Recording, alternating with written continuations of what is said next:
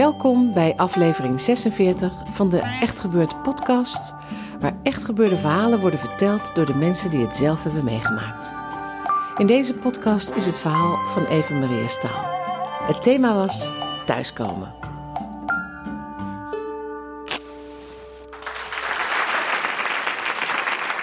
Mijn man en ik zaten in het vliegtuig vanuit uh, Peking naar Nederland met een baby. Die hadden we in Peking opgehaald.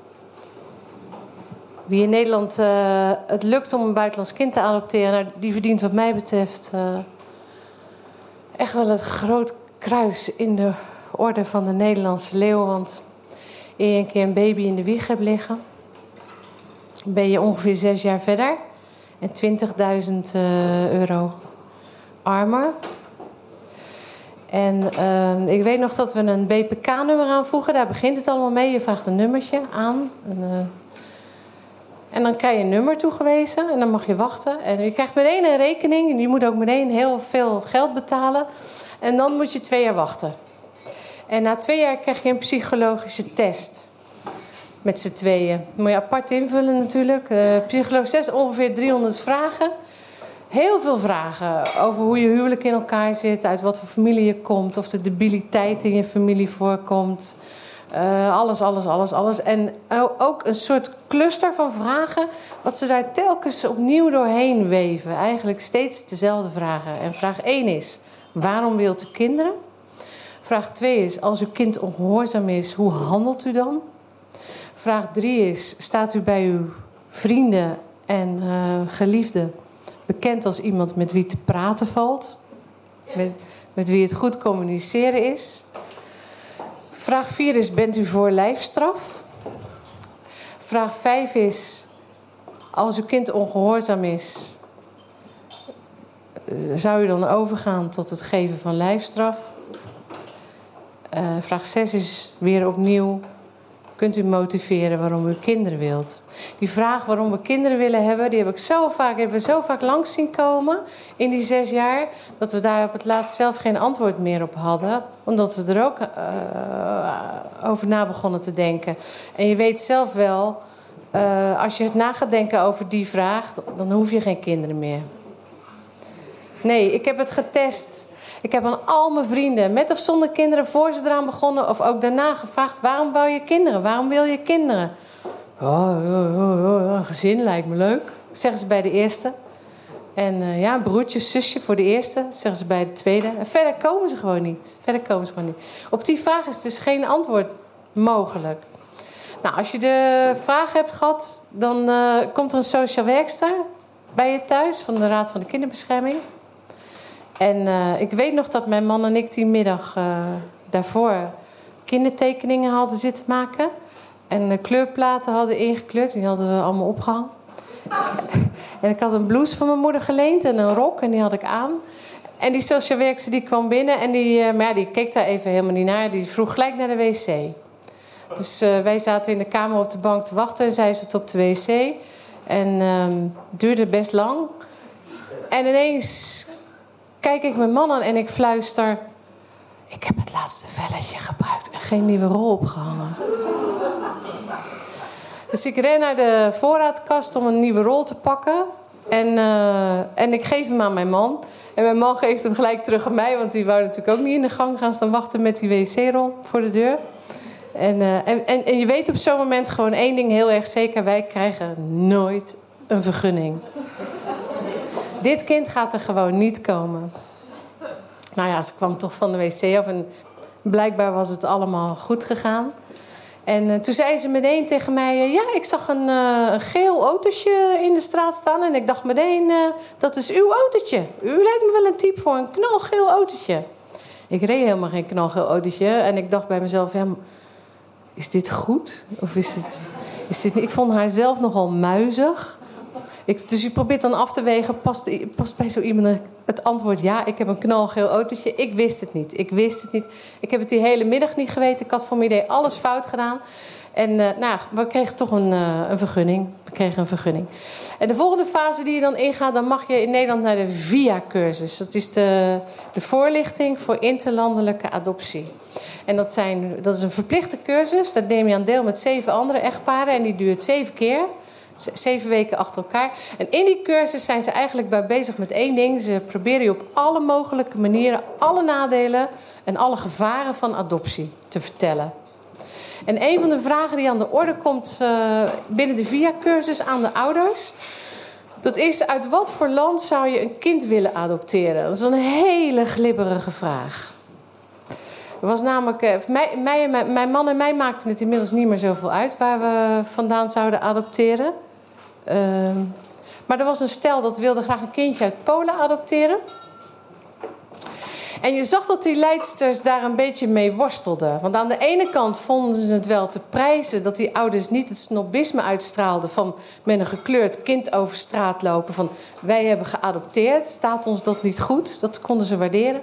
Aan de andere kant was het natuurlijk ook zo dat als je een Pools kind adopteert en je bent zelf blank, ja, dat kan ook voor discriminatie doorgaan. Want dan heb je kennelijk niet het lef om met een, anders, uh, om met een ander gekleurd kind eh, over straat te gaan. Dus discrimineer je dan niet. Daar kwamen ze, daar kwamen ze niet goed uit. Maar het mooiste kwam aan de orde toen uh, ze het aan Leni vroegen. Leni, Leni was een heel klein, frêle volksvrouwtje. Met een grote vent, dat wel. En ze vroeg aan Leni ook: Leni, uh, uit wat voor land zou je willen adopteren? En toen zei Leni zonder aarzelen: Ik, zou, ik, wil, een, ik wil een neger uit Afrika. Er viel even een stilte en Leni ging gelijk door. Ze zei: Ja, want ik heb zo'n fantasietje. Als ik een neger uit Afrika uh, adopteer, dan wordt hij later profvoetballer. Want hij wordt natuurlijk 1,90 meter lang. En het wordt een middenvelder. En dan wordt een profvoetballer. En dan komt hij s'avonds thuis van de training. En dan zit ik op de bank tv te kijken. En dan komt hij naar me toe. En dan tilt hij me op. En dan gooit hij me in de lucht. En dan zegt hij: Zo, moedertje, ik heb flink getraind. Ik heb trek. Heb je nog bananen?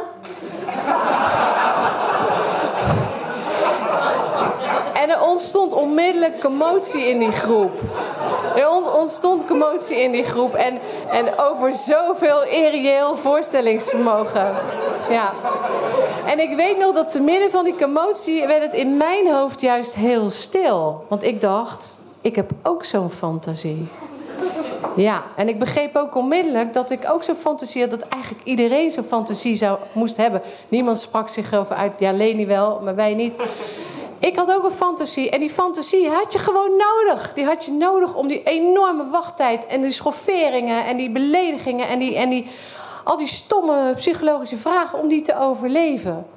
En mijn fantasie was de volgende. Mijn fantasie, mijn man deed daar niet in mee.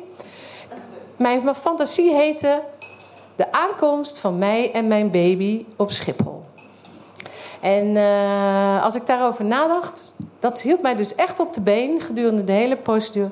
Als ik daarover nadacht, dan kwam ik door die glazen deur op Schiphol. En ik was, zag er stralend uit en mijn baby zag er ook stralend uit.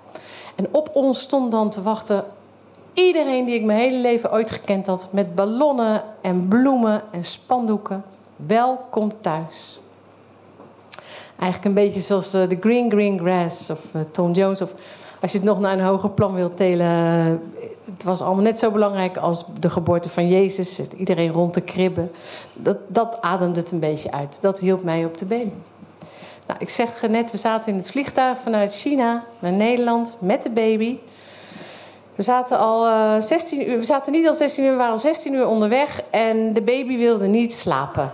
De baby wilde niet slapen. De baby huilde niet, was een heel lief kindje. De baby at en de baby poepte en plaste en spuugde ook. En ze trappelde met de beentjes. Ze zat beurtelings bij mij op schoot bij man. We waren 16 uur in touw. De baby wilde niet slapen.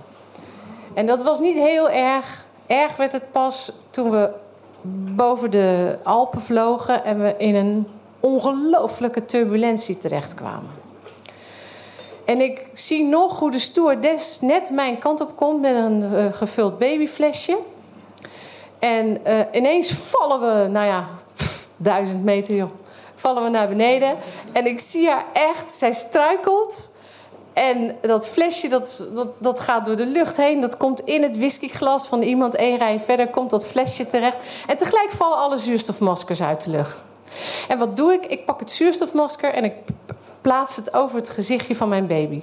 En die stewardess die was opgekrabbeld en die rukt, ik, ik noem het rukken, rukt dat zuurstofmasker van het gezicht van mijn baby en zet het bij mij op. En uh, ik, denk dat er, ik, ik denk dat er zes jaar uh, frustratie uitkwam van wachten of zo. Of misschien vond ik gewoon dat ze met de poten van mijn kind af moest blijven. Dat kan ook. Dat ik heb haar een bloedneus geslagen. En normaal als je om pinda's vraagt, er komt nooit iemand naar je toe. En ineens zag ik allemaal stewards en stewardessen onze kant op komen. En mijn man ging staan. En, en op hetzelfde moment was de turbulentie over.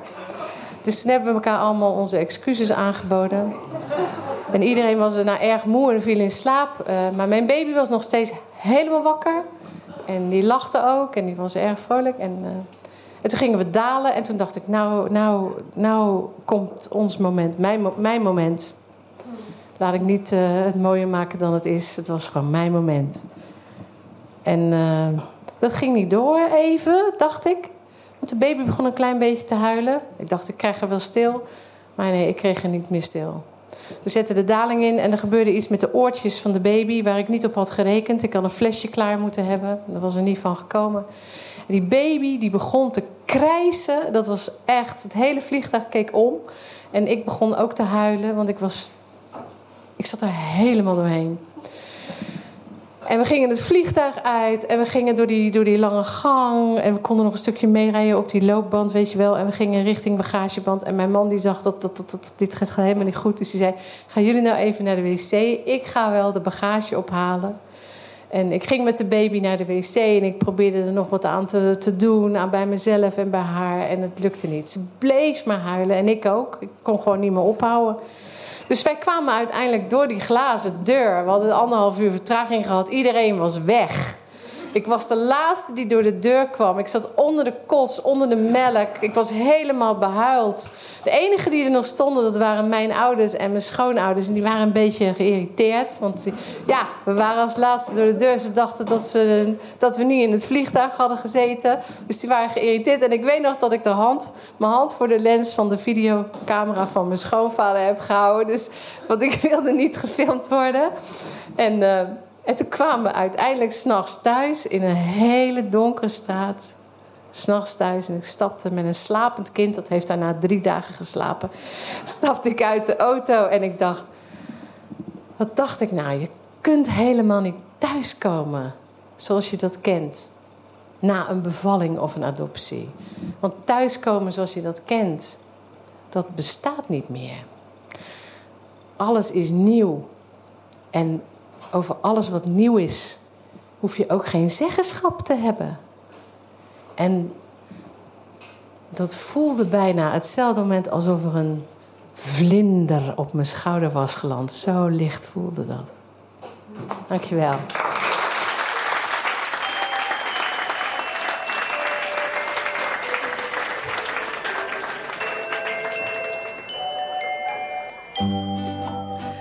Dit was Eva Maria Staal. Nou ja, ikzelf dus. Wil je ook een keer langskomen bij Echt Gebeurd? We zoeken nog vertellers voor het hele seizoen. Dus heb je zelf een bijzonder verhaal te vertellen? Of durf je voor te lezen uit je puberdagboek? Laat het ons dan weten op www.echtgebeurdintoemler.nl En Echt Gebeurd in Toemler schrijf je aan elkaar zonder puntjes. Je kunt jezelf daar ook opgeven voor onze nieuwsbrief. En we zijn ook te vinden op Facebook. Maar eigenlijk hopen we ook dat je iedereen die je kent over onze podcast en ons programma vertelt. De redactie van Echt Gebeurd bestaat uit Mieke Wertheim, Paulien Cornelissen, Rosa van Dijk en mijzelf, Eva Maria Staal. De techniek is in handen van Vrijman en Vrijland. Dit was de 46e podcast van Echt Gebeurd. Bedankt voor het luisteren en tot de volgende podcast. En voor mijn verhaal en dat van vele anderen geldt Vaak geloof je het pas als het jezelf overkomt.